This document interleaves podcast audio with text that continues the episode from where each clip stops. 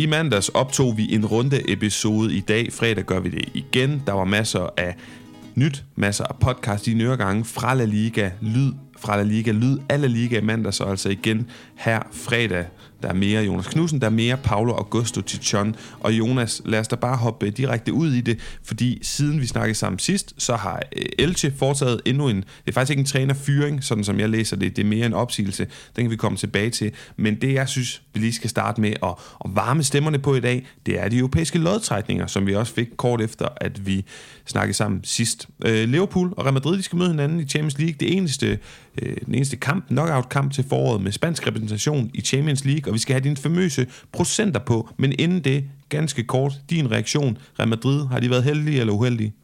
Øh, jamen, de har jo isoleret set været øh, uheldige. De, de vinder deres øh, gruppe og trækker et, øh, et, øh, en af favoritterne til at vinde turneringen. Øh, og så kan man sige, at Liverpool har, øh, er et hold, der lige nu er, befinder sig i en nedgangsperiode, men, øh, men der er jo den her famøse lange vinterpause, som jo Premier League-holdene ikke er vant til, og så kan man diskutere, for hvor mange er det en vinterpause. Det er det jo for en del af Liverpools profiler, for eksempel øh, Salah, øh, og så nogen måske, der ikke kommer så langt til, øh, til, til VM-slutrunden, som så også får noget, noget ferie, de ikke plejer at få. Men stadigvæk vil jeg sige, Real Madrid er øh, favoritter til den her. Real Madrid er, er, er, ser stærkest ud af de to lige nu. De har jo også trukket sig sejrsrigt ud tidligere, når de to har, har krydset klinger i, i finaler, og hvad ved jeg. Øh, så jeg vil sige øh, 55-45, øh, øh, længere tør jeg ikke gå op. Nej, jeg skulle til at sige, er det en 55-45 eller en 75-25, eller hvad det er? jeg er fuldstændig, jeg er i hvert fald enig i, at de ikke skal være højere favoritter. Det bliver meget tæt Real Madrid også i, i en formnedgang lige nu, og alle de ting har jo det kæmpe men, det kæmpe arbejderbeje, at der nemlig kan ske så meget herfra, og så frem til midt februar. Det er jo om tre måneder. Om tre måneder er der Champions League igen. Det er jo fuldstændig vanvittigt at snakke om. Men Jonas, lad os da bare hoppe direkte til Europa League, hvor at jeg må indrømme, at jeg er jo ikke så godt inde i, i, i hvert fald ikke Europa League og European Conference League, så det var sådan lige, det var lige gået min næse forbi det her med, at både Real Sociedad og Real Betis jo, de først bliver, kommer ind i, i knockout-kampene i næste runde. Og det kan man jo sige, hvis man er modstander af FC Barcelona og Sevillas dårlige Champions League-kampagner, så er det på en eller anden måde endnu større en straf, det her med, at de ikke sådan ja, hvordan skal vi, kan du hjælpe mig med at formulere det, at de ikke bare direkte dumper ned i Europa League på lige kår med de andre, men faktisk på en eller anden måde skal bevise deres værd, og FC Barcelona skal gøre det mod Manchester United, og Sevilla mod PSV. Ja, og Barcelona skal jo gøre det mod Manchester United, takket være Real Sociedad, som, øh, som formåede at ende over øh, Manchester United. Det er, super, det, er jo, det er et spændende element i de her Europa League-grupper, at det er så vigtigt at ende øverst, og det er også derfor, vi så både, øh, både Real Betis og Real Sociedad tage de sidste gruppekampe meget seriøst.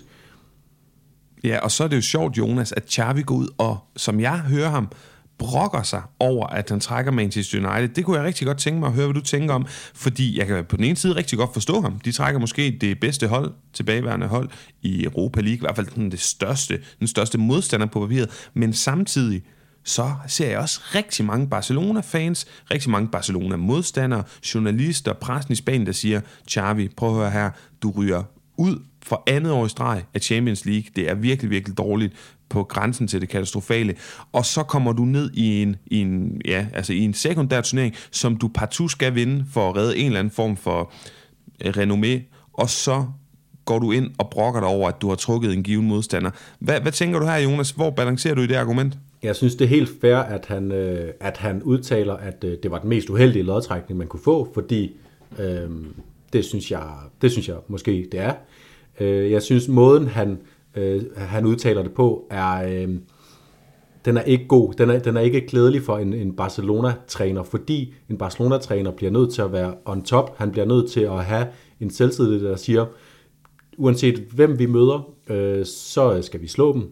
Øh, det, er, det er vilkårene, når vi er FC Barcelona. Om de så havde trukket Manchester City, så skulle han have sagt, det var godt nok en uheldig lod. Det, det kunne de ikke, men, men, men hypotetisk, det var en uheldig lodtrækning, men øh, nu skal vi ud og slå Manchester City, fordi det er vores pligt som FC Barcelona. Og han får sådan, han får trukket sådan lidt tråde tilbage, som om, øh, altså han siger, øh, han siger det på katalansk, altså vi får en uheldig lodtrækning, de altså de nuevo øh, øh, på ny, øh, og det er som om, at, at, at, så, at så, så antyder han, at han synes, at han generelt har været uheldig med sin lodtrækning som træner, og der bliver jeg nødt til at påpege, de blev slået ud af Benfica af Champions League-gruppespillet sidste år. De blev slået af Frankfurt i Europa League sidste år. og så kan man godt sige, at det er uheldigt, at de trækker Inter fra det, øh, fra det sidningslag, de gør i Champions League-gruppen, men det er altså også det eneste, han så kan brokse over, og jeg synes, det er, øh, ja, det, det, det er dårligt af en Barcelona-træner. Ja, lige præcis. Og, og de ryger ud til et interhold i år i gruppen, som jo langt fra godt kørende. De taber rup og stup hjemme i Italien, når de møder store hold.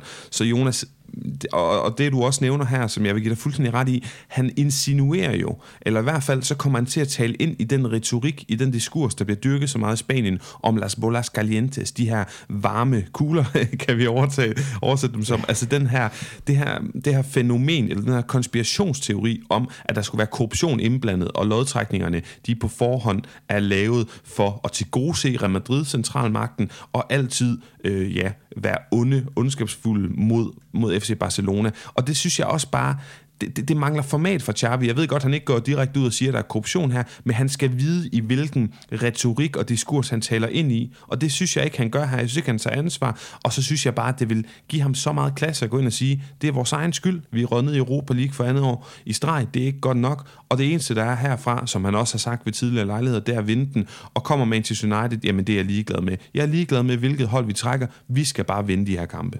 Ja, så lige for at slå en krølle på halen, så siger du det her med, at det er Barcelona mod centralmagt, men i virkeligheden har det jo mere udviklet sig til Barcelona mod UEFA, og nu Barcelona og Real Madrid mod UEFA. Så, så på den måde kan man sige, at hvis man har den helt store sølvpapirshat på, så har Xavi et argument, fordi Real Madrid, de fik jo også en svær lodtrækning. Og det er jo på grund af det her med, at øh, Barcelona og Real Madrid, og så Juventus, som jo så, så vidt jeg lige husker, røg helt ud af Europa, fordi de øh, bund, øh, kom i bunden af deres gruppe, øhm, at de fik svære lodtrækninger, øh, øh, fordi de er de her tre hold, der står tilbage i, øh, øh, som tilhænger af en European Super League, og lige fik øh, blev sat på plads i løbet af den forgangne uge nede i, i, øh, i, øh, i Schweiz, hvor de, hvor de sad for enden af bordet i et ubehageligt møde, så vidt jeg har kunne, kunne forstå på, på meldingerne dernede fra. Ja, lige præcis. Jonas, procenter på Manchester United, Barcelona?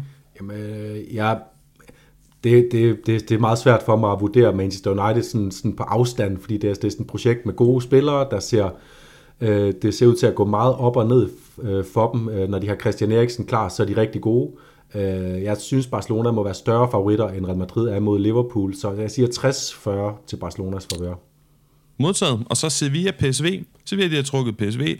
Monchi er også ude at sige, at det er også øh, ret uretfærdigt og en hård modstander og bla bla bla. Og der har det sådan, nu skal vi heller ikke. Det er for mig at se et, et, et, altså sådan et umiddelbart billede lige her og nu, øjebliksbillede, at, at spansk fodbold ikke lige præsterer så godt i Europa, og nu skal vi altså heller ikke lade os rive med af den her stemning. Det skal Monchi heller ikke. De skal selvfølgelig vinde over PSV, hvis de har nogle ambitioner. Der kan ske mange ting. Vi bliver nødt til at forvente, at der sker mange gode ting i Sevilla i de kommende måneder, fordi det her, det kan simpelthen ikke vare ved. Så øh, en lille bøvmand til øh, Monchi, men Jonas, det, her, det er jo Luke de Jong, derbyet, Luke de Jong-returen. Har du procenter her på? Øh, ja, det, det har jeg, øh, og det, det, det er meget svært, for jeg tror også, der kommer til at ske meget med det her Sevilla-hold frem mod den, øh, den spilledato, hvor de skal, de skal møde PSV.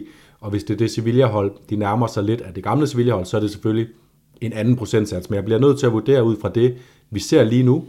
Øh, og der kan jeg ikke øh, give Sevilla mere end, øh, end 55-45 favoritforvør, fordi at, øh, at de, er, de er så dårlige, Sevilla. Okay, altså jeg, jeg troede, du var nede i sådan noget 30% til Sevilla, så øh, nej, rigtig nej, fint, men du... Det er, jeg er enig med dig, at, at det er ikke en, en lodtrækning, de skal brokse over. PSV er et godt hold. Hollands fodbold øh, er nu øh, umiddelbart et godt sted i de her år, men det er stadigvæk et, øh, et matchup, hvor Sevilla bør, være, bør have gode chancer. Vi så jo også, hvordan de, de trods alt kunne formå at, øh, at, at overkomme øh, FCK, selvom det var med, med et vist besvær, og FCK, som er et hold, der er lige under niveauet øh, på PSV, men, men heller ikke meget.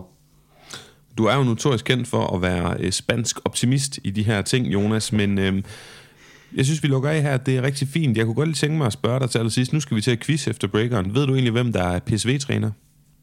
Ja, det er, det er Mark van, nej, Mark van Bommel. Jeg kan fortælle dig, at da Lewandowski han kom til Barcelona i år og begyndte at banke kasser ind i en gammel alder, så synes jeg, det mindede mig meget om en anden angriber, der kom til Real Madrid i midt nullerne og lige pludselig bare smadrede mål ind, ah, som var det... Ja. Øh, det er Ruud van Nistelrooy. Lige præcis. Og jeg sagde også dengang, at jeg blev nok nødt til at gentage det, så jeg ikke får hele den katalanske øh, våbenløse her efter mig. Selvfølgelig er Lewandowski en bedre fodboldspiller end Ruben Nistelrooy, men der er bare mange paralleller der. Nå, med de ting, og inden jeg kommer for meget i fedtefadet, så lad os tage en breaker på den anden side. En kort quiz fra Pundit. Jonas, skulle vi gå hen og blive i tvivl uenige om ting og sager, hvilket jo sker for tid til anden i de her udsendelser, så skal vi finde ud af, hvem der har veto-retten, og det kan være dig, hvis du svarer rigtigt på de her to spillere, som jeg har fundet frem i mit pundit-spil. Øh, den første, det er en spiller, som er den eneste spanske topscorer i La Liga siden 2001-2002 sæsonen. Han scorede hele 27 mål i 2007-8, hvilket betød, at Fenerbahce hentede ham for ca. 100 millioner kroner. Han returnerede tre år senere til Spanien, denne gang for Getafe. Så vi leder altså efter La Liga-topscoren ja. fra 2007-8 sæsonen. Og, og det, jeg kan blev sige han, øh, det blev han for Mallorca, og det blev han øh, umiddelbart bud foran Samuel Eto'o, eller sådan noget på, øh, på topscorerlisten. Øh, og det er Dani Guisa. Jamen, du har ret. Du får et point, men Samuel Eto'o ligger nederst på den her liste. Ah, okay. Og både Diego Forlan og Frederik Canute, Ruth Van Nistelrooy, Ricardo Oliveira, Nihat Cavecci, David Villa, Raul, Sergio Aguero og Luis Fabiano scorede faktisk flere mål. Hvor tror du, Lewandowski øh, havde ligget på den øh, liste? Nej, jeg tror, han var i hvert fald ikke kommet foran Ruth Van Okay.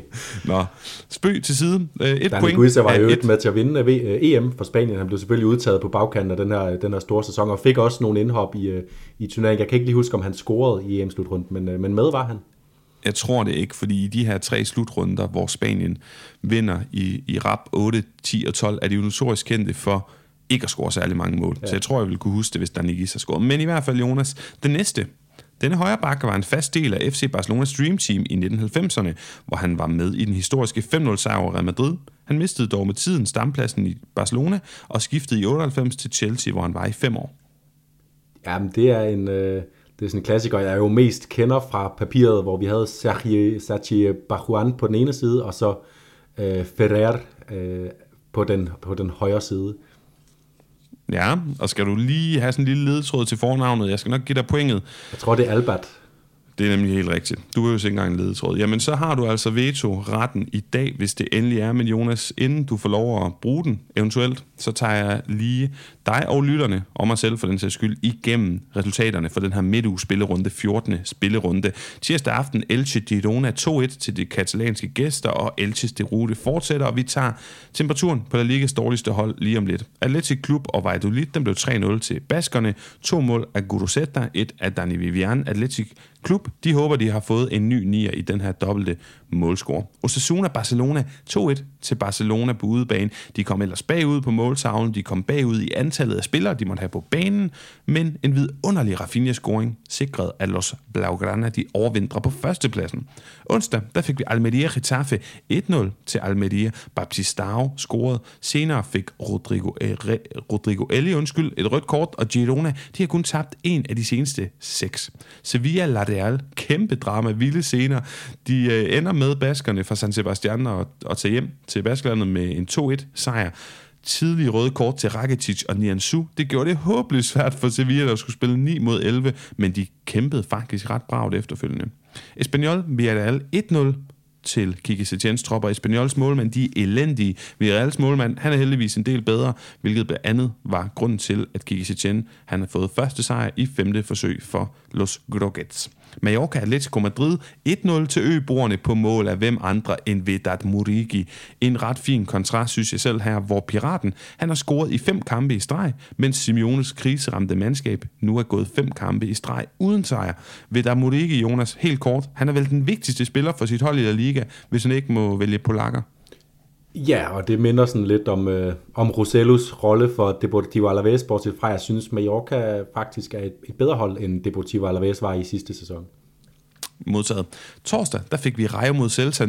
En lille bitte, bitte forbedring at spore hos Carlos Cavallals Celta-hold.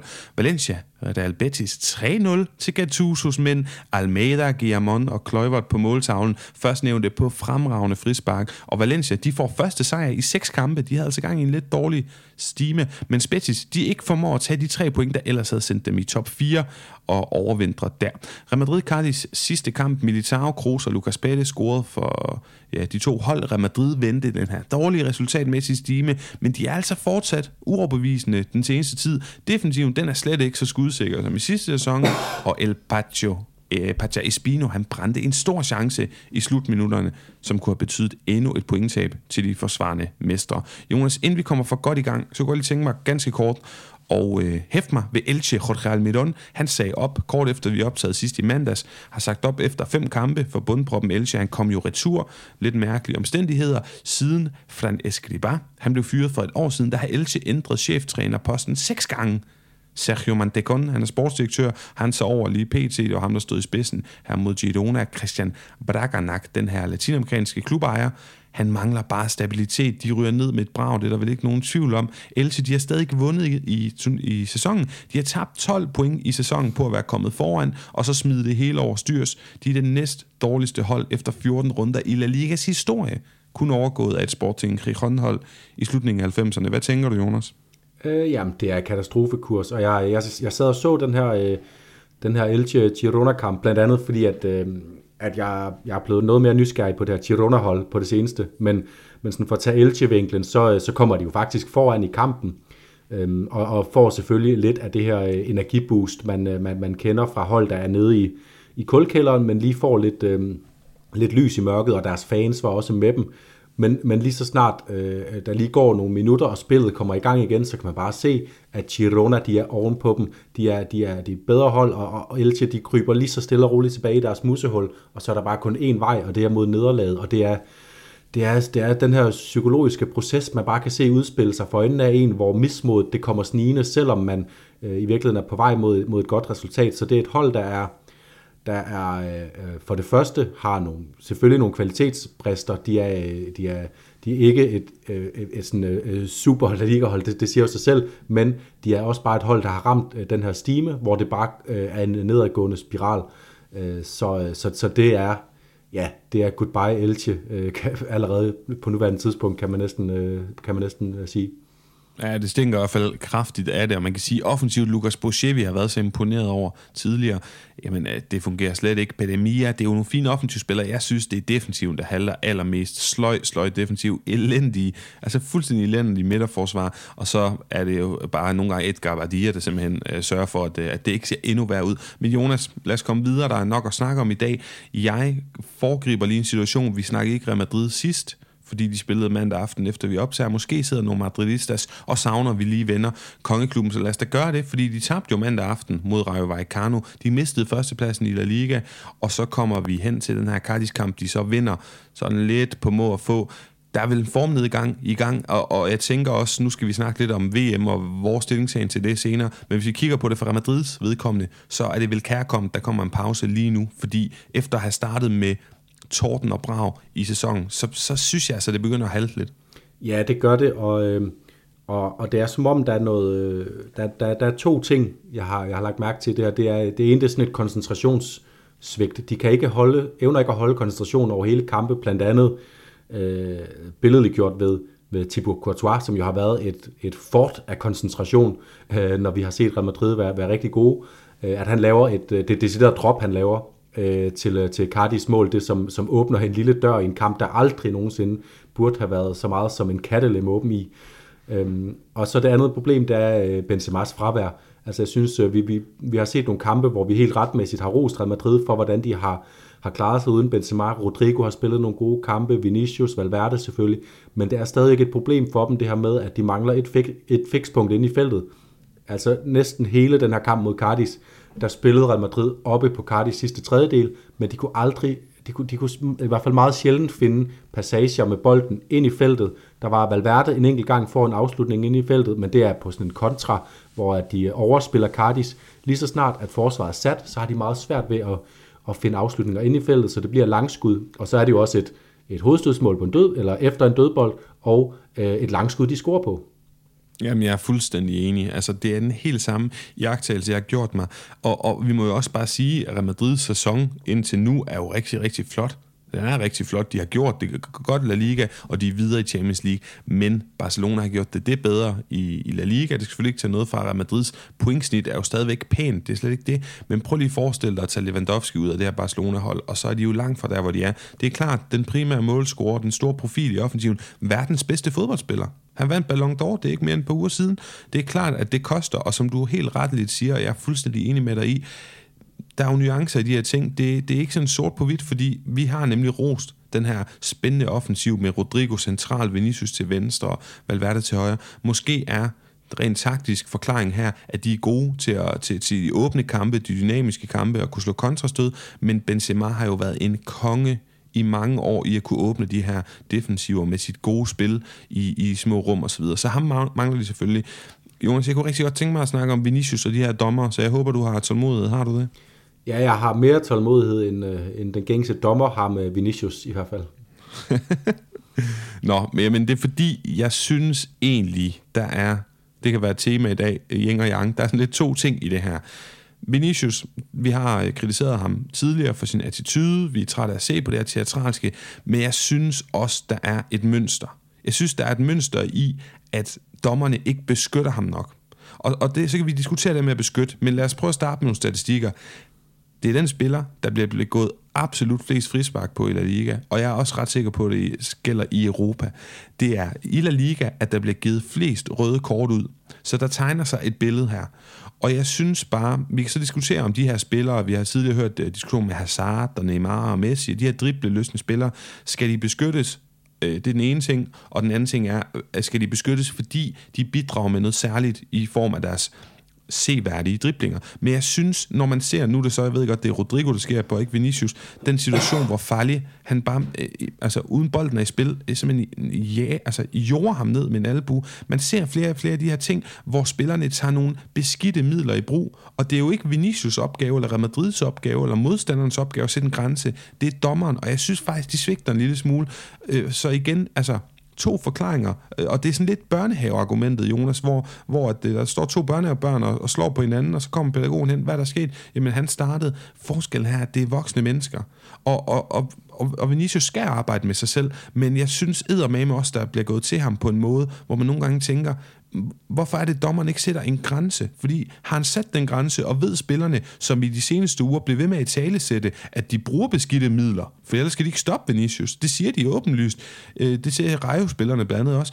Hvis, hvis dommeren får sat en grænse der, så er han styr på den ene side af argumentet, og så kan han kigge på Vinicius og sige, for øvrigt, udover at folk går uretfærdigt til dig, så alle de små frispark, du simulerer, og alle de situationer, hvor du er teatralsk, og hvor du kæfter op, dem skal du også stoppe med, og jeg giver dig gul kort konsekvent, hver gang du begynder på det. Jamen, jeg, jeg synes, jeg har lidt svært ved at se, hvad det er for en grænse, dommerne skal sætte op, fordi som du siger, øh, han er den spiller, der bliver begået flest frispark mod. Det synes jeg jo indikerer, at dommerne netop øh, fløjter frispark, når der er frispark på Vinicius. Jeg ved, jeg ved ikke, hvad de mere skal gøre. De skal, jeg synes ikke, at de ekstraordinært skal ind og, og beskytte ham ved at give modstanderne kort, når de ikke laver forseelser til kort. Øhm, så, så jeg har lidt svært ved at se, hvad dommerne mere skal gøre. Og det er, det er også det med Vinicius, at han brokker sig jo, uanset om han får frispark eller ej. Øhm, han, han prøver selv at sætte en grænse, men det får han ikke noget ud af. Det, det eneste, det gør, det er, at det forstyrrer hans spil, og jo mere han lader det forstyrre sit spil, jo mere kommer modstanderen til at fortsætte med det. Det vil jeg også bede mit hold om at gøre, hvis jeg kunne se, at, øhm, at den farligste spiller for modstanderholdet, man skulle lave et skulderskub på ham i, øh, i begyndelsen af kampen, og så var han sat fuldstændig ud af, øh, ud af, af sit mentale send, hvor han kan præstere det optimale. Og det er det, der skal til med Vinicius lige nu. Og så længe at Vinicius ikke selv øh, øh, rejser sig op, spiller videre, øh, lader som ingenting, så bliver det bare værre og værre for ham. Så, så jeg har svært ved at se, hvad, hvad, hvad dommerne mere skal gøre, end at dømme de frisbak, der er. Og så, øh, og så, så bliver Vinicius nødt til at fokusere. og Han bliver nødt til også på et eller andet punkt at acceptere, at det her det er noget, der sker, når man spiller så godt, og når man spiller på den måde, så kommer modstanderne til at gå til en på en, øh, på en anden måde, end hvis man er en, en lidt mere anonym spiller. Øh, og, og det bliver han nødt til at vende sig til, og det bliver Ancelotti nødt til at, at hjælpe ham med at, at vende sig til. Det er, en, det er en kæmpe opgave for Ancelotti lige nu som, som træner, fordi Vinicius han spiller dårligt, når han fokuserer på frisbak. Der er et tidspunkt i går, hvor han decideret stopper, fordi han mener, at han skal have et, et lille bitte frispark, hvor jeg jo ikke mener, det er en fuldstændig almindelig kontakt, men han, han stopper med at spille, fordi han er sådan opgivende, og sådan, han påtager sig en, en kæmpe stor offerrolle, uanset om han får frisparkene i øvrigt eller ej.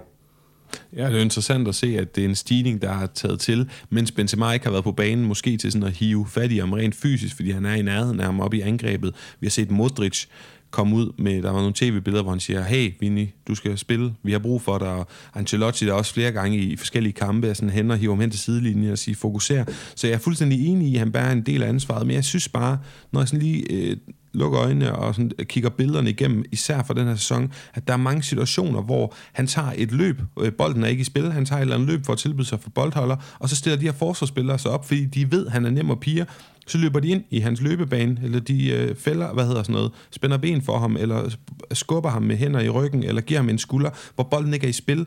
Og det kan også godt være, at jeg er håbløst uopdateret på regelsættet, men for mig at se, er det bare ikke at spille fodbold, de der ting.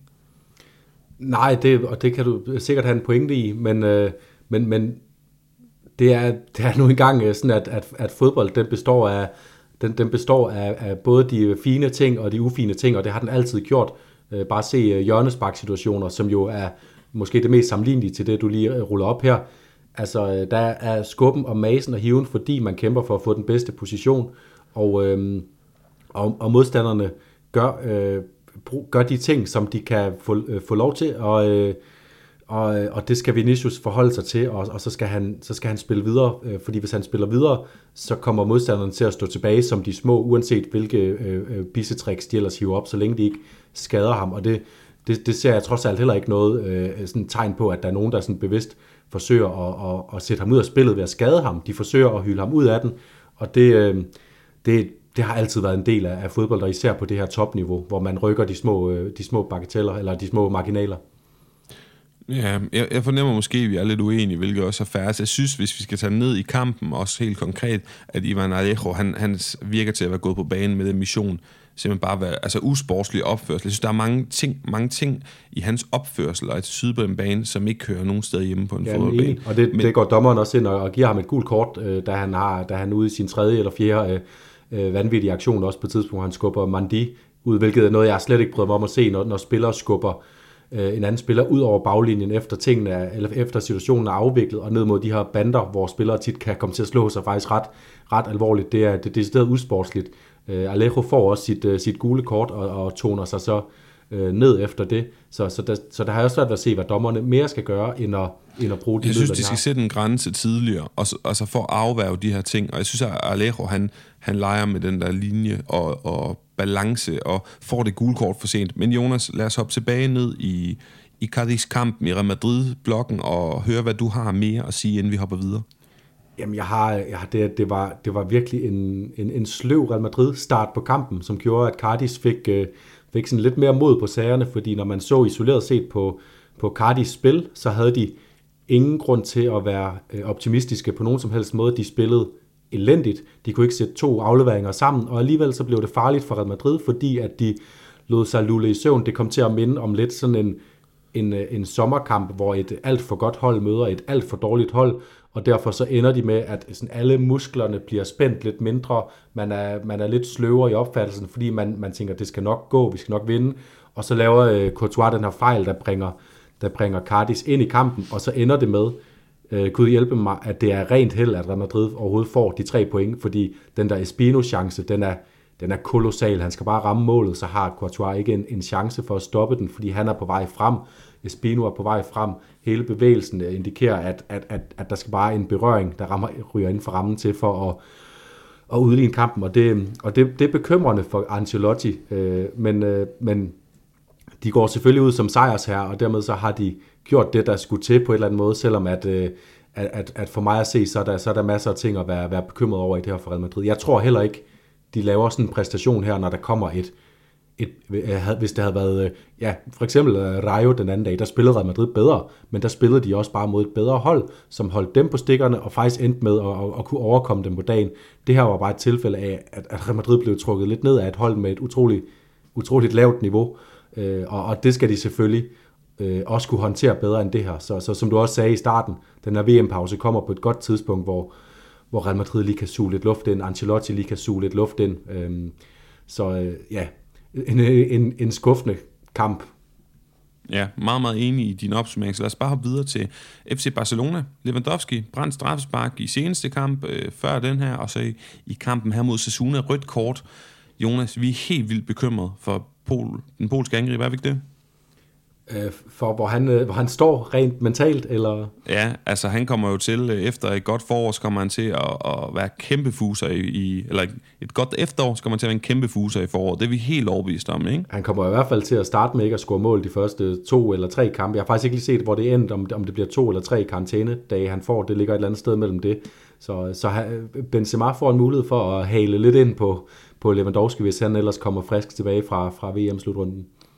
Ja, men uh, selvfølgelig, hvis vi hopper over vidighederne, det er jo egentlig bare, fordi det er lidt sjovt, Mønster han ikke lige har haft de bedste par kampe, men har jo været fuldstændig vanvittig. Og lad os da bare sige det nu, La Ligas bedste spiller her i det her efterår. Men Jonas Frenkie de Jong kunne jeg egentlig godt tænke mig lige at hæfte mig kort ved. Er han ved at bide sig fast? Det, det synes jeg egentlig, han er. Øh, men er det for Gavi, eller er det for Busquets?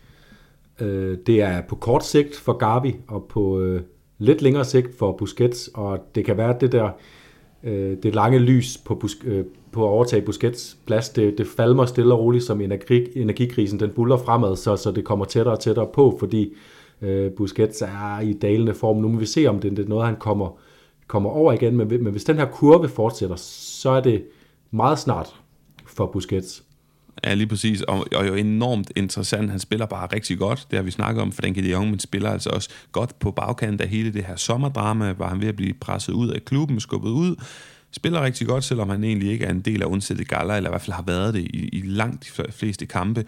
Og så skal vi jo snakke om ikke Pickenbauer, men Frenkie de Jong Bauer, fordi sikke en aflevering, han ligger nærmest ned for det centrale forsvar til Rafinha, en mand i undertal, Pamplona, Osasuna, som er så godt spillende under Arasate, som er dynamiske, som er hård, hårdt spillende, men på en færre måde, synes jeg i hvert fald mere færre end Cardis, og bare et godt hold, som er svært at overvinde, især en mand i undertal, og så den her genistrejt op til Rafinha. Jeg synes, jeg har svært ved at vurdere, om afleveringen eller hovedstødet er bedst.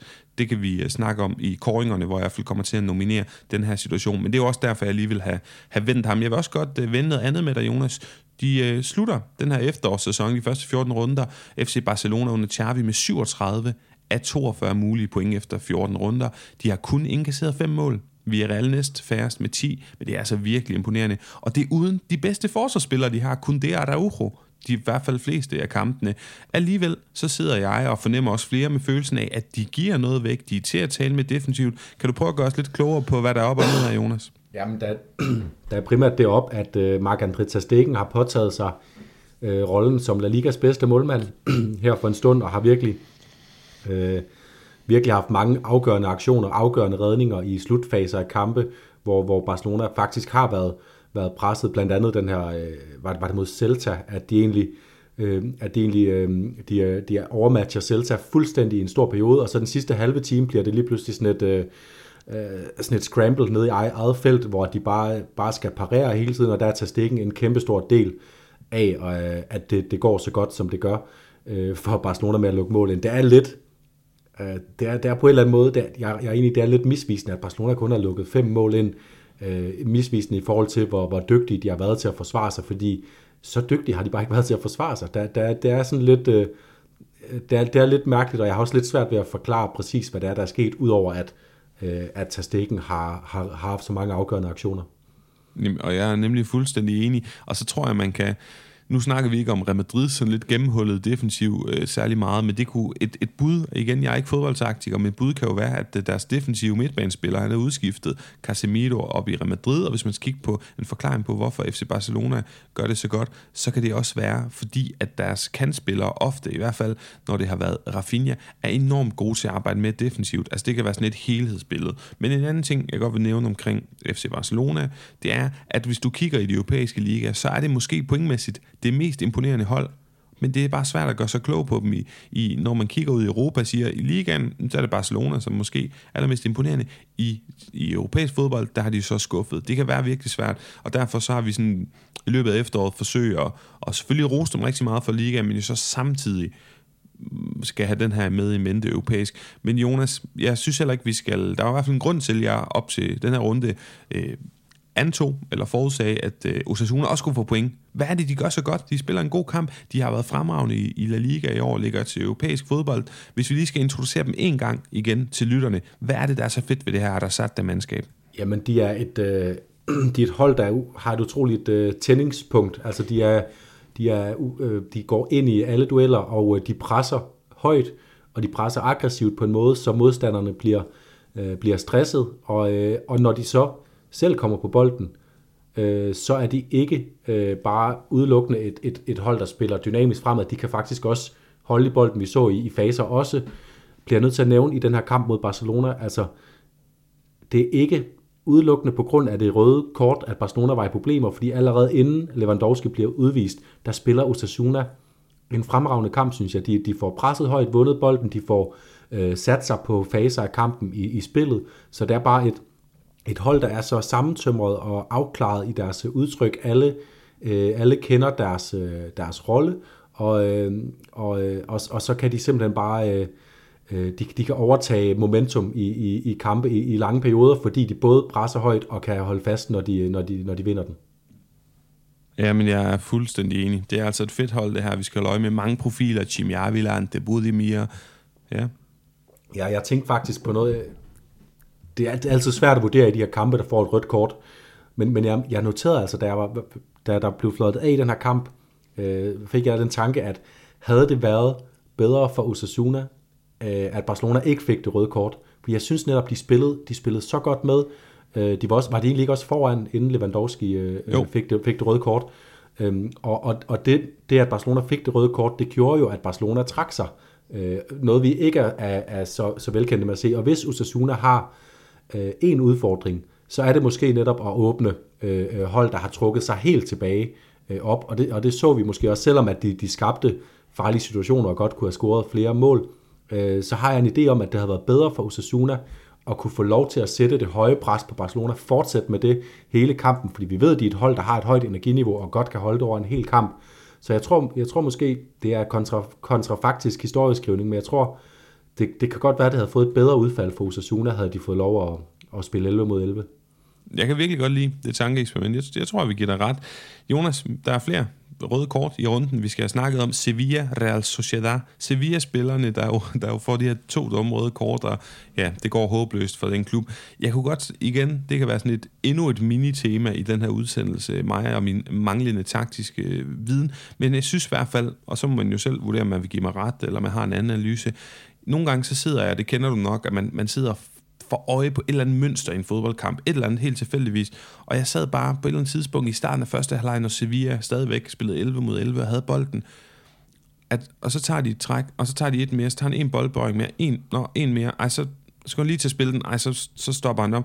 At alle spillerne fra Sevilla konsekvent har 4-5 berøringer. De har altid for mange berøringer. De, de mangler de her hurtige beslutninger. De mangler at sætte tempo i spillet.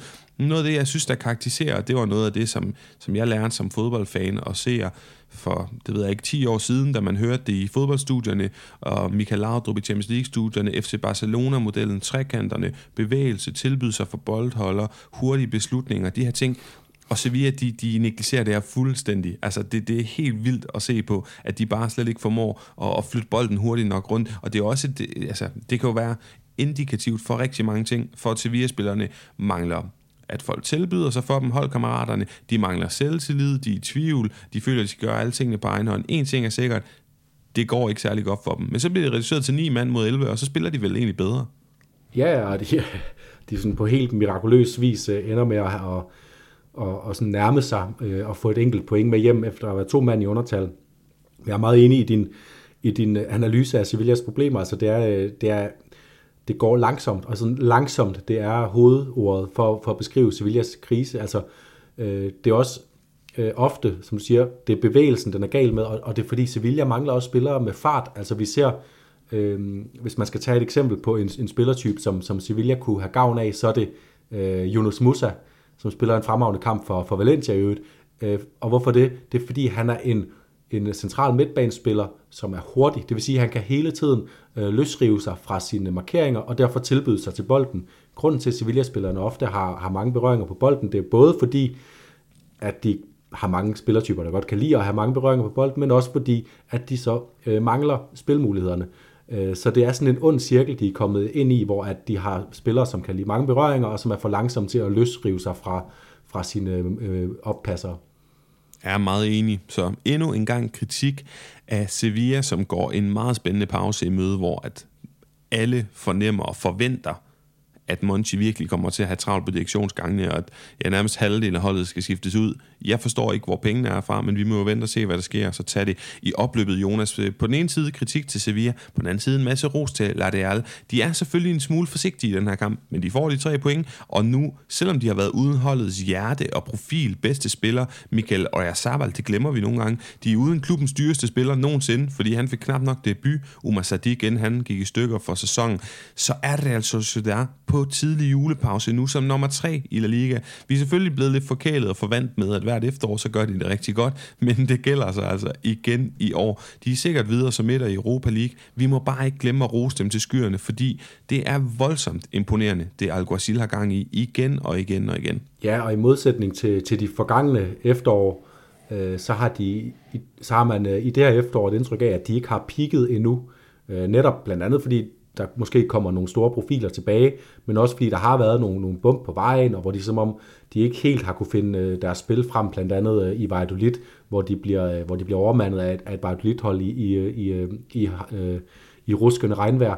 Men man, man, jeg har sådan en idé om, at vi stadig har det bedste at se fra, fra Real Sociedad stadigvæk i den her sæson, så derfor så, så, kan der, så kan den her tredjeplads for mig at se godt pege, pege, pege frem i, at det også er der, de kan sigte efter at ende sæsonen også taget, øh, ja, øh, Atletico Madrids famlen, øh, Real Betis, sådan, ja, ustab- ustabilitet øh, frem, og så Atletic Klub, som måske har vist sig allerede at have peaked i sæsonen. Nu må vi se. Hov, hov. Nu siger du, øh, nu siger du fyr, at de ligger jo nummer 4, ja, så det, vent nu og se. Det gør de jeg også på en, ikke... på en flot kamp i den her uge selvfølgelig, så, så Atletic Klub er også, er også værd at rose jeg, har ikke, jeg, har ikke, jeg ved ikke, om jeg satte noget på højkant med Morgenbrun. Det gjorde jeg ikke, men jeg skal lige høre ham her nu, om vi kan gøre det øh, til, øh, når sæsonen er slut. Nå, Atletico Madrid, Mallorca skal vi også lige omkring, Jonas, inden vi skal til nogle koringer. Jeg synes, vi skal starte med Mallorca og rose dem.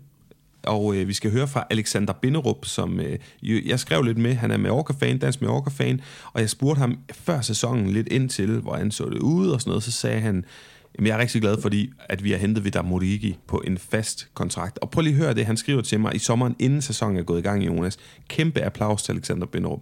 Han spillede en kæmpe faktor i overlevelseskampen sidste sæson. Han skal nok komme op på de 15 plus mål i den her sæson, og så gør han bare sine medspillere så meget bedre. Så den signing er jeg rigtig godt, godt tilfreds med. Altså, fuldstændig helt sikker er Alexander Bindrup på, at han laver alle de her mål. Det må jeg sige, det var jeg ikke, selvom han var rigtig god i forårssæsonen og den her nedryknings øh, overlevelseskamp i, i, i slutningen af sidste sæson. Fem mål i, øh, i de sidste fem kampe, altså hvad hedder sådan noget, femte kamp i streg med mål. Han er, som jeg, vi blev enige om, La Ligas måske vigtigste spiller for sit hold, hvis ikke man hedder Robert Lewandowski. Fantastisk spiller, og så har han jo noget kant. Han er jo det ved jeg ikke, om man må sige i disse tider, øh, ikke den, den mest attraktive spiller, jeg nogensinde har set i spansk fodbold. Han bliver kaldt Piraten. Jeg kan godt se nogle oh, sammenligninger. Ja, ja, kæmpe skur, men jo en fantastisk fodboldspiller. Ja, og han foretrækker faktisk selv kannibalen. Jeg, jeg læste et interview, hvor han øh, bliver spurgt, foretrækker du at blive kaldt piraten eller kannibalen? Og så sagde han, selvom jeg ikke spiser børn, så foretrækker jeg at blive kaldt kannibalen. så han er, han er, han er en, jeg kunne øh, virkelig godt forestille mig ham sidde og spise nogle små børn. Ja, altså, han er, han, han er, en er skør, så voldsom. Skør type. Oh, ja. Men ja, Jonas, en fantastisk spiller, og, og Javier Gide, eller Vasco Gide, vi skal rose der Mallorca holde lidt. Hvad har du lyst til at pege på? på jamen, jeg, har, jeg har lyst til at pege på sådan først og, først, først og fremmest, så, så har de fået skabt et, øh, et sådan rigtig solidt fundament øh, bag til, øh, øh, med, med gode forsvarsspillere, Martin Valiant, Antonio Raio og nogle, nogle fine backs, og så en, øh, øh, en midtbane, der sådan virker afstemt næsten uanset hvem der spiller, øh, hvem der spiller inde på den.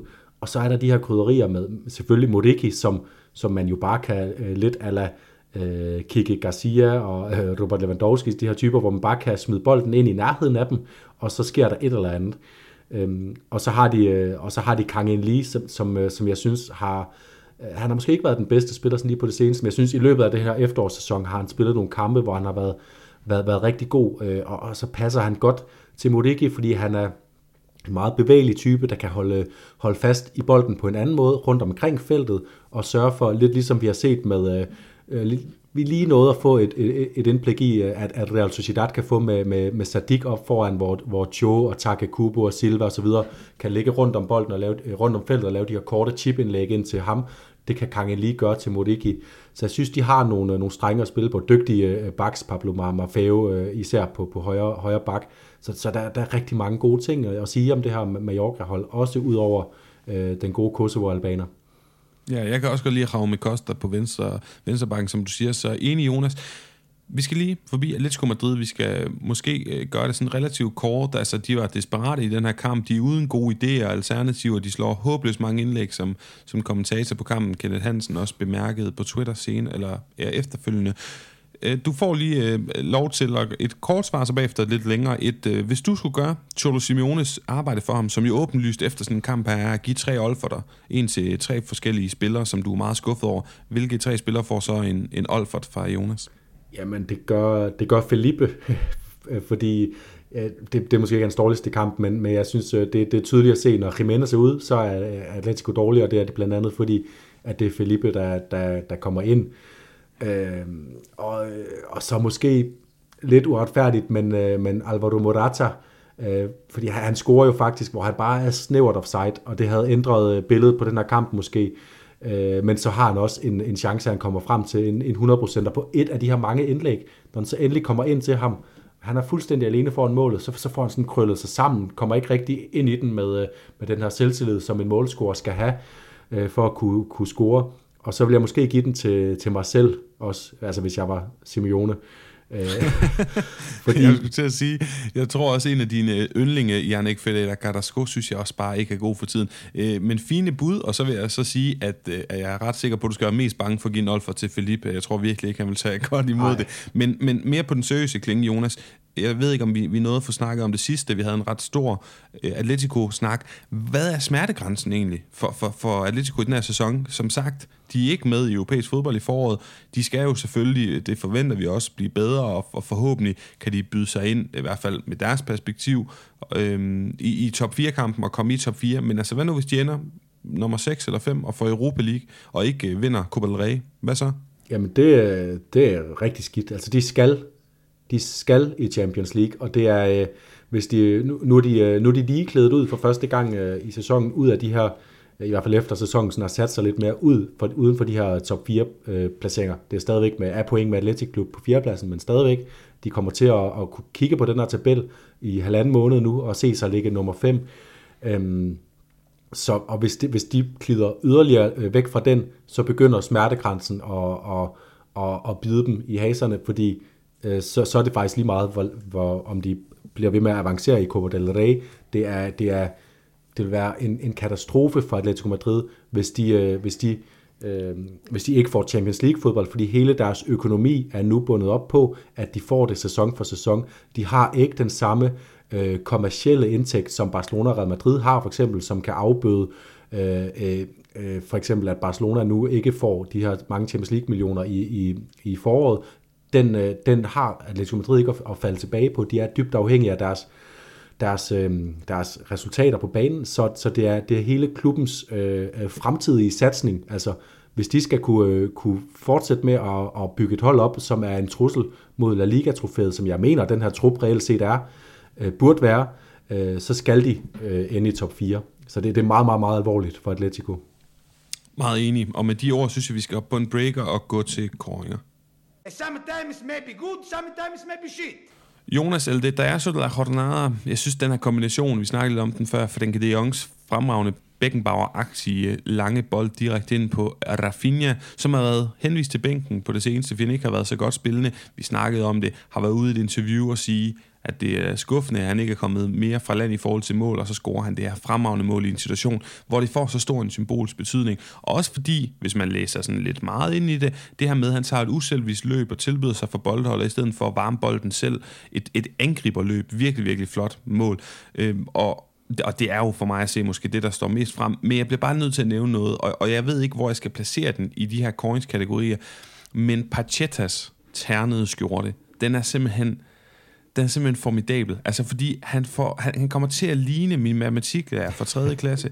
Og jeg synes, man skal prøve at lægge mærke til det, var at Dolits træner, de spiller god fodbold, vi har rost det meget. Den der træner, det der tøj, altså det er lige dele, ja, det, det, altså tragisk og komisk, og ja, det ser bare vanvittigt ud. Og var din matematiklærer fra Ikast Brandeegn, fordi det lignede en, der lige var væltet ud af Jack and Jones, og havde Jamen, fået præcis. sin kone til at, at klæde sig på. ja, det er sådan noget i den duer. Ja. Jamen det, øh, jeg synes, Rafinhas øh, mål er et rigtig godt bud. Jeg har lige et par, par spilsituationer også, jeg vil, jeg vil nævne. Nogle, måske nogen, der sådan er lidt øh, uh, off-topic på Detajasso, fordi de, uh, jo, den ene er faktisk lidt afgørende. Uh, Ramiro, Alex Ramiro, han har en fuldstændig uh, enestående redning uh, på en friløber fra Isco. Uh, sådan en af de her situationer, hvor bolden den lander langt ind i feltet. Isco, han kan løbe imod den og afslutte, og, og han afslutter fint ude i siden, men Ramiro han får simpelthen kastet sig og strukket sig, og det er fra så kort afstand, at Isco øh, skyder, at det er fuldstændig ubegribeligt, at han kan nå at reagere, og der må også være et eller andet element af, at han, at han bare tager chancen og kaster sig til en side, men han får simpelthen reddet den på en eller anden måde. Den skal man, man gøre sig den tjeneste, lige gå ind og se highlight-pakken fra, fra øh, Sevilla Real Sociedad, for at se den redning. Og så har Yunus Musa, som er en spiller, jeg holder mere og mere af, han har en situation øh, i kampen mod Real Betis, hvor han afdribler tre spillere på et meget lille område, tre er Real Betis midtbanespillere, og så afslutter han, rammer desværre stolpen, og derfor diskvalificerer han sig lige præcis fra at være, være nomineret i kategorien her. Så, så jeg, øh, jeg kan meget godt gå med på Rafinha-målet. Og så vil jeg sige, du stillede mig, eller du, du lagde i starten af udsendelsen op til, at vi skulle vurdere, eller da vi snakker om Barcelona, var det mest Frenkie de Jong, vi skulle rose, eller Rafinha?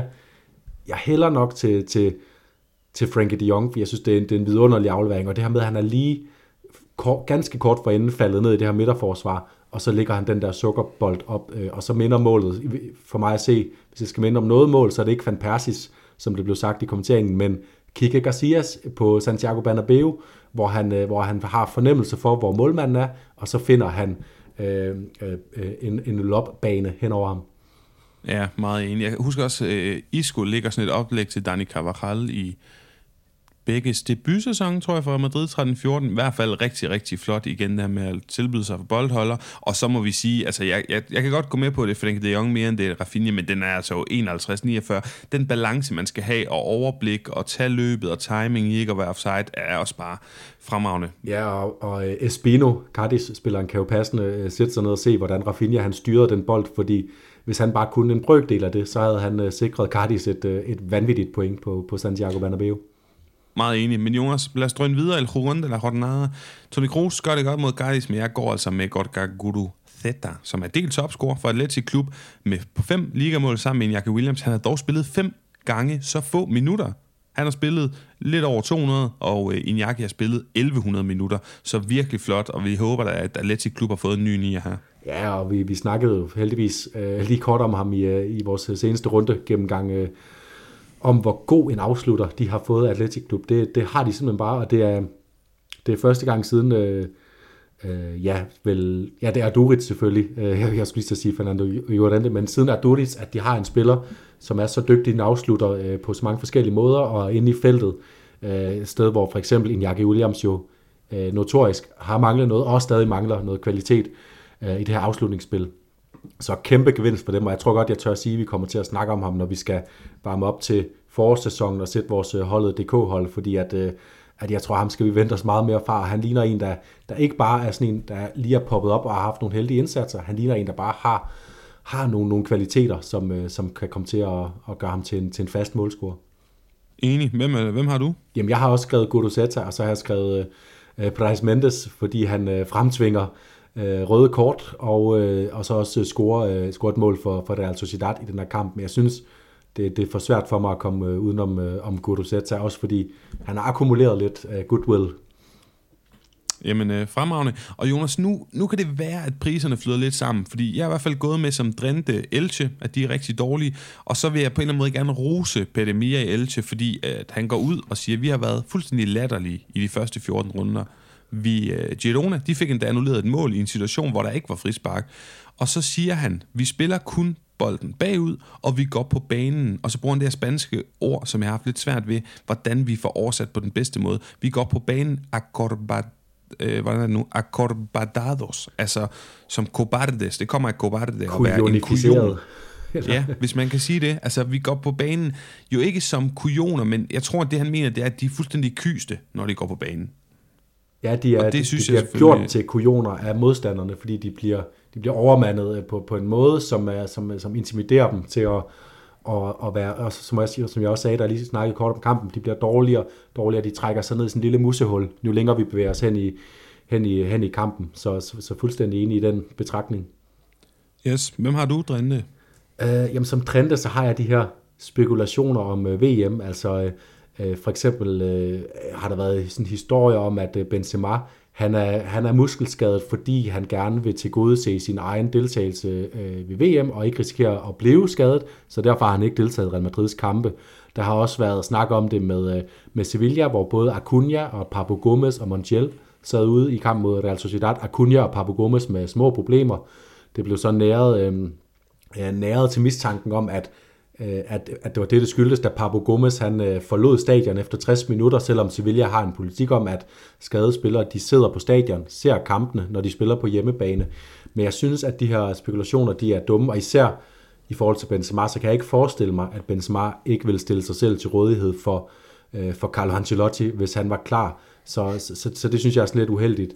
Øh, man kan så sige, som, øh, som Real Madrid-Cardis-kampen den skred frem, så, så kunne man måske godt hælde til, at, øh, at der er noget om, at, at spillerne øh, passer lidt mere på sig selv, fordi der var et stort element af, at Real Madrid de, øh, de gik tidligt på ferie i den her, den her kamp. Men jeg synes, det er dumme spekulationer, øh, især omkring Benzema. Det, det har han ikke fortjent at, at have sådan en, få lagt sådan en skygge hen over sig. Øhm, min Cruyff, det, jeg skulle lige til at give den til, øh, til, til Piqué, for at gå ud på en måde, som er Piqué værdigt ved at blive udvist i omklædningsrummet øh, øh, i pausen af kampen. Øh, men jeg, jeg vælger at give den til, til Xavis øh, trænerindsats i den her kamp. Vi har snakket meget om, at Xavi moden nok træner til at kunne øh, tage fat i kampene, ændre dem til, til sin fordel. Træffer han overhovedet nogle taktiske beslutninger? Og det må jeg bare sige, da Barcelona kommer i undertal, så er de problemer resten af første halvleg. Men da Barcelona kommer ud til anden halvleg, så er det et meget afklaret Øh, så det er et meget, meget, meget afklaret Barcelona-hold, og han gør det ved at, at, at, at sådan, øh, øh, blive, blive ved med at spille med Ferran Torres og Dembélé op foran, men så laver han nogle manøvrer, som gør, at Dembélé han kan holde sig ud til højre, og Ferran Torres kan, selvom han får et større område at dække, stadigvæk kan holde sig, sig tæt inde centralt og også bliver farlig inde i feltet. Det kan han blandt andet ved, at øh, uh, Frankie de Jong han trækker uh, meget ned til venstre, så Jordi Alba han kan frigives øh, frem til den her venstre angriberposition. Frankie de Jong kommer så til at fordele spillet der, øh, dernede fra, hvilket også blev en fordel til tider. Øh, og den anden ting, det var, at øh, at Frankie de Jong og Busquets gik ind og lavede en dobbelt, dobbelt pivote, så Pedri kunne frigives til den her venstre angrebsplads. Så Xavi han formåede at lave nogle manøvrer, som gjorde, at Barcelona i et eller andet udstrækning kunne blive ved med at holde fast i nogle af deres principper, selvom det blev en mere øh, vertikal kamp øh, med dybdebolde, som vi også så med målet, da Rafinha scorer. Øh, men, men ros til Xavi for den her anden halvleg, hvor han manøvrerer en rigtig, rigtig svær situation og får bragt den over til sin egen fordel. Også med en god portion held, fordi jeg synes, Osasuna de gjorde også sit for at få, få, få lukket kampen, og for os efterfølgende at få udlignet igen. Øh, men, men, men når man spiller øh, så lang tid i undertal mod en så god modstander som Osasuna, så er det virkelig flot at kunne, at kunne, øh, ja, at kunne, at kunne, kunne gøre det så godt. Ja, jamen øh, meget enig, og nu skal det faktisk handle lidt om ulovlig streaming, fordi min krøjf, den går til øh, de her amistosos, de her venskabskampe, vi kan se frem til i de kommende halvanden måneds tid. Real Betis, de skal en tur til Chile, må ikke der er noget med deres træner fra Chile, Pellegrini at gøre. De skal også spille mod Manchester United. Atletico Klub, de skal spille mod Chivas fra Mexico. Villarreal, de skal have et gensyn med Emery, Emedi undskyld, under Emedi, for de skal spille mod Aston Villa, Newcastle mod Rayo, marxisterne eller anarkisterne mod ja, sheikerne. Cardis, de skal spille mod Manchester United. Det bliver fremragende. Det er fodboldhipster galore det her, og det handler jo om, der kommer et VM, Jonas. I stedet for som sidste punkt på dagsordenen, tage en forudsigelse om noget, der sker om for lang tid, jamen så synes jeg lige kort, vi skal forklare lytterne, hvad vi sådan kommer til at gøre i vores øh, dækning. Uden at være for heldige, så øh, har du jo sagde du til mig, at øh, du synes egentlig ikke, øh, jeg var sådan lidt i gang med at forberede noget optag til Spaniens landshold, til VM og også øh, noget til Argentina og Uruguay, men øh, så synes du, spurgte du mig, om ikke bare vi skulle lade være, og det var jeg da egentlig enig i. Kan du ikke fortælle lidt om de overvejelser? Jo, og det er, det, det er svære overvejelser. Jeg har stadigvæk svære overvejelser øh, om, hvordan jeg skal tage stilling til det her VM. Jeg har svært ved at se mig selv ikke følge med i øh, det danske landshold, som, øh, som ligger mit hjerte meget nært. Det har været... Øh, det er det øh, hold, jeg har holdt allermest med i, øh, i, øh, i, gennem hele mit liv, altid været fast til længere, og det er en fantastisk periode. Jeg har sæsonkort til Parken, har været inde og se alle de her Nations League-kampe. Det, det ligger mig så nært det landshold, at jeg simpelthen bliver nødt til at følge med, når de spiller et VM. kommer jeg til at se resten af VM-kampene? Øhm, jeg, har, jeg har svært ved at se det. Jeg har ikke den samme begejstring for øh, VM. Jeg, jeg, jeg klæder mig ikke på samme måde til en VM-slutrunde, som jeg normalt vil gøre, hvor jeg vil være i gang med at sidde og grænske trupperne, grænske mulige startopstillinger, prøve at køre turneringstræet igennem osv. Det er bare en, øh, et, en slutrunde, der ligger sådan en stor skygge over på grund af den måde, Katar øh, behandler deres øh, migrantarbejdere, den måde, de øh, deres øh, øh regime behandler øh, LGBT plus øh, øh, personer, øh, og, øh, og, og det kan jeg ikke, øh, det, det, en, det, det jeg i hvert fald kan gøre, det er, at jeg ikke kan bidrage til dækning, så jeg kommer til at øh, tweete minimalt om kampe fra VM. Øh, min, min, min, min tweets på, under VM kommer til at handle mere om, øh, om øh, Katars øh, som værtsnation, end det kommer til at handle om, handle om spillet på banen. Og jeg har i hvert fald ikke lyst til at, øh, at være en del af dækningen af den her øh, VM-slutrunde, og især når nu har vi også en minimal rolle, og vi kommer ikke til at kunne komme tæt på og afdække kritiske forhold. Vi kommer til at skulle dække fodbold, og det er de begivenheder, der sker, og det er det, Katar gerne vil have os til, fordi det er god omtale af dem, når vi snakker om, om den øh, store fodboldfest, de gerne vil, vil have, det skal være øh, øh, i deres, øh, i, i deres øh, land. Øh, så det, så det, det er det mindste, øh, jeg ligesom kan øh, bidrage med i, i den her situation. Jeg kommer heller ikke til at købe øh, VM-magasinerne, hvor der, hvor der er påtrykt Katar-logoer på. Jeg kommer til at holde min indsats på et så minimalt niveau som muligt, og så fokusere energien på at støtte det danske fodboldlandshold lige at vinde, øh, vinde VM, og det vil jeg selvfølgelig klæde mig over, hvis de gør. Ja, jamen øh, meget enig, I stemmer mig. Det er det var dit forslag, og jeg synes, det er en super god idé det er ikke for at, at, at lege heldig, man må selv, altså jeg kan bare opfordre til, at man selv altså, gør sådan nogle tanker om, hvad, hvor man står, hvor en stillingtagen er i det her. Men det jeg personligt kan sige, det er, at jeg vil prøve ikke at følge med, fordi jeg har ikke lyst, jeg er ikke ramt af, af slutrunde feber overhovedet. Jeg håber også, Jonas, du ikke øh, følger med, at du også øh, øh, ja, kan man sige, det du, det du selv giver udtryk for, at du har en ambition om og, og et håb for, at du ikke øh, bliver ramt for meget af det her. Det håber jeg, at flest muligt ikke gør. Jeg håber, at det bliver en sindssygt dårlig slutrunde, en katastrofal slutrunde på alle parametre, og øh, selvfølgelig nogle overskrifter, som alle jo ved, og derfor vil jeg ikke begynde at gå langt ned i det, men øh, Katar har jo indirekte været fuldstændig med til at slå over 6.500 migrantarbejdere ihjel, som øh, de altså 20 stjæler fra, øh, holder ikke, hvad de lover, og, og er med til indirekte at slå ihjel, fordi at de har været under så dårlige vilkår.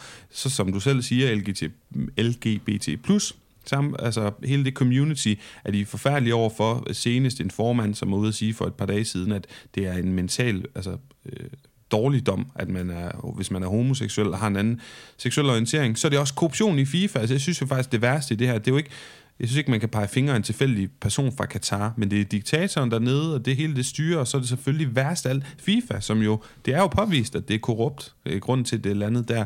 Så jeg synes egentlig, FIFA er den værste spiller i det her. Og så synes jeg, at, at det danske landshold, hvis jeg bare lige skal komme med min egen, er nogle kæmpe vatpikke, at de ikke har taget mere stilling til det her, som, som i øvrigt vi kan sige, at resten af verden også er, at de ikke tør at stå mere op for det her. Men i hvert fald, Jonas, så er vi ikke øh, tilhængere af den her slutrunde, og jeg synes da, vi som podcast skal fortælle lytterne, hvad de så kan forvente fra vores øh, side, fordi øh, vi kommer stadigvæk til at sende en gang imellem. Ja, og, øh, og det gør vi jo så med, øh, med non-VM-relaterede udsendelser, øh, blandt andet med vores, øh, vores gode partner Pondit, hvor vi kommer til at lave en, øh, en quiz-udsendelse, hvor vi simpelthen, øh, hvor øh, især jeg, øh, er mit indtryk, ud af os to, kommer til at blive udfordret til, til tænderne af en af quiz-skaberne, Øh, ja, lige præcis. Jeg har jo fundet en af quizskaberne, som også hedder Jonas, og også kommer Fyn også holder med OB, så det bliver rigtig godt også. Lidt og forvirrende, men inden det, nu sidder vi fredag på mandag, der har jeg inviteret en masse af vores øh, lyttere og fans, danske fans af forskellige spanske klubber i programmet, som har sendt en lille lydbid til mig, hvor de gør status på deres hold. Jeg synes, det er så rart at inkludere fansene og høre fra dem, hvad de synes om efterårssæsonen hidtil. Og øh, efter det, altså vi, får nævnt quiz, vi kommer også til at lave sådan en efterårsstatus, hvor vi sætter efterårets hold og snakker lidt om efterholdet i år, eller efteråret i overskrifter. Og så har vi et par speciale udsendelser, et par spillerinterviews, som også er lavet, og vi jagter, jeg jagter fortsat flere interviews, øh, hvor vi skal forbi en baskisk klub og en andalusisk klub, som ligger i bunden af Segunda Division, men som ikke gjorde det på det tidspunkt, der er danskerne var forbi. Så øh, mere om det på det tidspunkt. Så er der vel ikke mere tilbage for os, Jonas. Har Nå, du en sidste lige, Der er lige en sidste, øh, når, når, når, øh, når VM-finalen så er spillet lige inden øh, juleaften, så, så prøver vi at sætte os ned og, og, øh, og samle resterne sammen og se, hvad er det, øh, vi kommer til at kigge ind i for et, øh, for et forår i La Liga, og, og ved blandt andet at sætte vores øh, holdet DK-hold, øh, og øh, i, selvfølgelig i gang sætte vores... Øh, øh, vores Lyden af La Liga, øh, øhm, øh, Liga inde på holdet.dk, som, øh, som alle jer lytter kan, kan tilmelde jer igen. Øh, og det er, jo den, øh, det er jo nytår den 31. december, når, når La Liga sparkes i gang igen, så på et eller andet tidspunkt mellem jul og nytår lander der en udsendelse, hvor vi, hvor vi øh, sætter vores holdet.dk, og kommer med nogle anbefalinger og laver nogle forudsigelser på, hvad vi tror kommer til at ske i, i, øh, i resten af, af sæsonen.